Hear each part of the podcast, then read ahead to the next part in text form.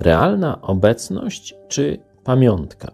To spór, który e, toczy się już od kilkuset lat i każde pokolenie musi go przejść na nowo. E, chodzi o to, czy kiedy ksiądz wypowiada formułę tak zwanego przeistoczenia podczas mszy, e, to ten chleb, czyli opłatek i wino zmieniają się w rzeczywiste ciało i krew Jezusa. Tak naucza e, Kościół rzymskokatolicki.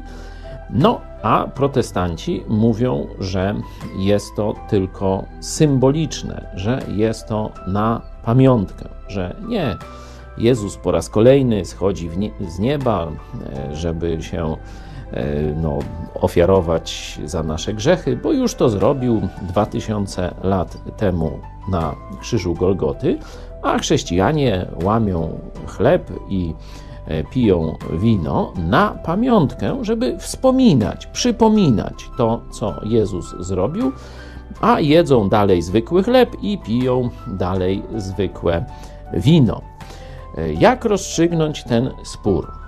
Otóż, moim zdaniem, trzeba się zwrócić do autora całego zamieszania, czyli nie myśleć, co ja uważam, co ty uważasz, jak taki Kościół interpretuje, czy inny, tylko no, zobaczyć, co Jezus e, rzeczywiście powiedział na ten temat. I jeśli sobie otworzysz Ewangelię Łukasza, 22 rozdział, albo jakąś inną Ewangelię, znajdziesz tam wyraźne stwierdzenie, że Jezus mówi: To czyńcie na moją pamiątkę.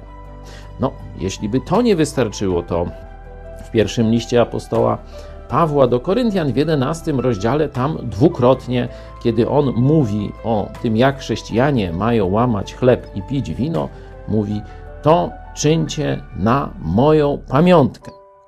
Moim zdaniem, ten spór katolicko-protestancki Jezus rozstrzyga w sposób jednoznaczny.